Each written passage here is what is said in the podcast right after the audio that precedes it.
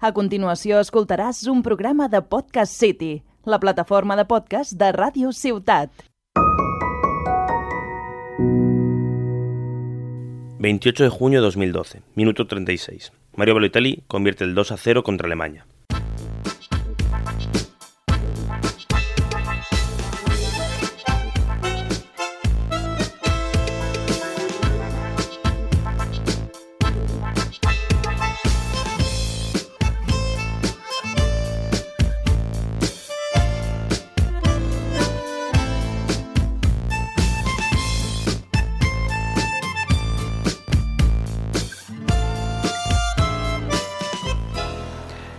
El 23 de octubre de 2011, Mario Balotelli hace el primer gol en el derby de Manchester y levanta su camiseta. Debajo de ella no encontramos un torso desnudo, sino una camiseta interior con un lema: Why always me? ¿Por qué siempre yo? Recuerdo que no vi ese partido. Por aquel momento era difícil poder ver todos los partidos, y aún yo no tenía Twitter, ya que era un chico de 12 años, y en el móvil era un objeto para llamar o para jugar al POU. No vi el partido, pero recuerdo haber visto el, el resumen en Deportes 4 y cuando lo vi a ese chico italiano mostrar ese lema, me quedé sorprendido, hasta el punto que más de 10 años después aún lo recuerdo. Lo que no sabía en ese momento era el motivo de ese lema, y por qué Balotelli estaba tan serio y reivindicativo, en vez de volverse loco al haber abierto el marcador contra el clásico rival. ¿Por qué lo habría hecho? ¿Era una crítica a su entrenador? ¿A la prensa? ¿Por qué? Bueno, lo hizo porque la noche anterior al partido su casa se había incendiado, debido a la explosión de unos fuegos artificiales, a lo cual los tabloides ingleses culparon a Super Mario, quien no era sospechoso de excederse. Pero la verdad es que Mario supuestamente no estaba en su casa aquella noche. Pero eso no quitó todas las críticas en las noticias. Y de ahí vino su provocación. Hacia todo el mundo con su famoso Why Always Me.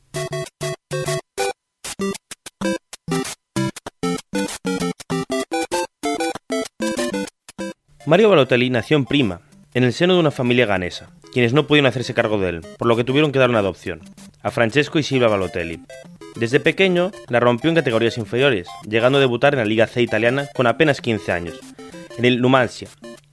Llamó la atención de grandes equipos europeos, como fue en el United o el Madrid, e incluso se llegó a probar con el Barça, pero debido a su indisciplina no entró en la masía. Al final se quedaría en el juvenil del Inter de Milán, donde estaría bajo las órdenes de Mourinho, quien fue una figura muy importante para su desarrollo como jugador. Una gran promesa que estaba en el mejor equipo de Italia, acompañado de grandes leyendas como fueran Schneider, Zanetti, Cambiaso, Milito o posteriormente Eto, y que ganaría el triplete en 2010 junto a Mourinho. A pesar de ser suplente durante su estancia en el Inter, queda en la retina a todos un golazo de falta desde 37 metros que le clavó al Rubin Kazan en Champions pero ante su depotencia y el desgante de la relación con Mourinho lo llevaron a abandonar el Milan, con destino a Manchester, con apenas 20 años, y ya habiendo debutado con la italiana, con apenas 20 años y el 9 en la espalda. Ahí empieza la historia de Balo, ya que su salida del Inter fue como una forma convulsa, ya que al salir del club milanés lo hizo afirmando haber sido siempre tifosi del Milan y no del Inter, lo que obviamente no gustó a sus antiguos seguidores ni a sus antiguos compañeros. Su primera temporada en Inglaterra fue más o menos discreta. Ese Manchester City aún no era la bestia que se convertiría en la temporada siguiente, con la llegada del Kun. El Manchester City, la segunda temporada, llegó a subir hasta tal punto que iba a convertirse en campeón de la liga. Todos recordamos aquella última jornada de infarto en la que Balotelli daría su única asistencia en el City para que Agüero diera el título a los Citizens. Antes de dejar el City, hizo muchas de las suyas, tanto buenas como malas, una Navidad se disfrazó de muñeco de nieve y fue repartiendo dinero a los sin techos de Manchester.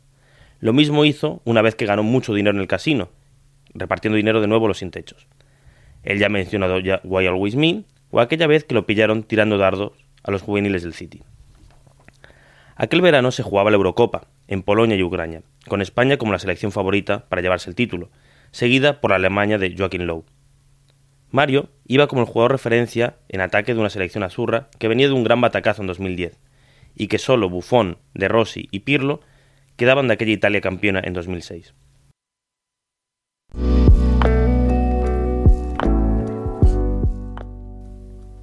El primer partido lo jugarían contra España, dejando en tablas el marcador, y tras otro empate ante Croacia y una victoria 2 a 0 contra Irlanda, Italia clasificaba como segunda de grupo, su rival ahora era Inglaterra, donde Mario tenía muchos compañeros del City, como fueran Joe Hart o Lesco. El partido se decidió en la tanda de penaltis, tras quedar 0 a 0 en el tiempo reglamentario. Ahora era el turno de enfrentarse a Alemania. Los germanos llegaban sin haber perdido o empatado ninguno de sus partidos, y con una selección muy potente que buscaba vengarse de España, quien había sido su verdugo tanto en Sudáfrica como en la Eurocopa del 2008.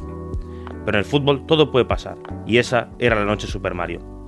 En el minuto 20, Balo abría el marcador con un gran gol de cabeza, dejando a Neuer a un lado. Pero lo mejor estaba aún por llegar. En el minuto 36, Mario hacía lo siguiente.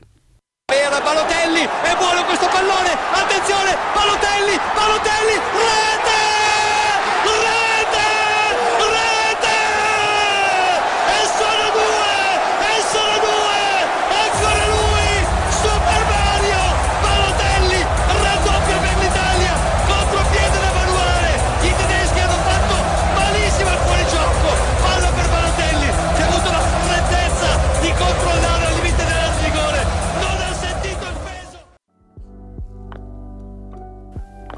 Golazo. Super Mario controla fuera del área y casi al primer toque disparó con una diestra y se la clavó en el ángulo derecho a Neuer, que se quedó haciendo la estatua atónito tras ese terrible zapatazo.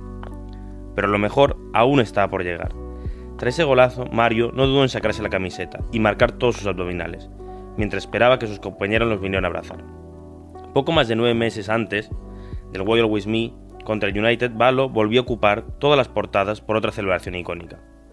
Super Mario seguiría su carrera en el Milan y después volvería a probarse en Inglaterra en el Liverpool, pero mucha disciplina y un bajón de rendimiento hicieron que nunca llegara a alcanzar su máximo potencial. Después siguió en clubes de menor nivel, como fueron el Nicia o el Brescia. También pasó por el Marsella, teniendo un buen repunte de carrera, pero a día de hoy sigue jugando en Turquía, y aunque apenas roza la treintena de años, no se cree que vuelva a llegar al primer nivel mundial. Pero en la retina de todos queda aquel gol contra Alemania o el Why Always Me. Así es Super Mario, Italia 2, Alemania 0.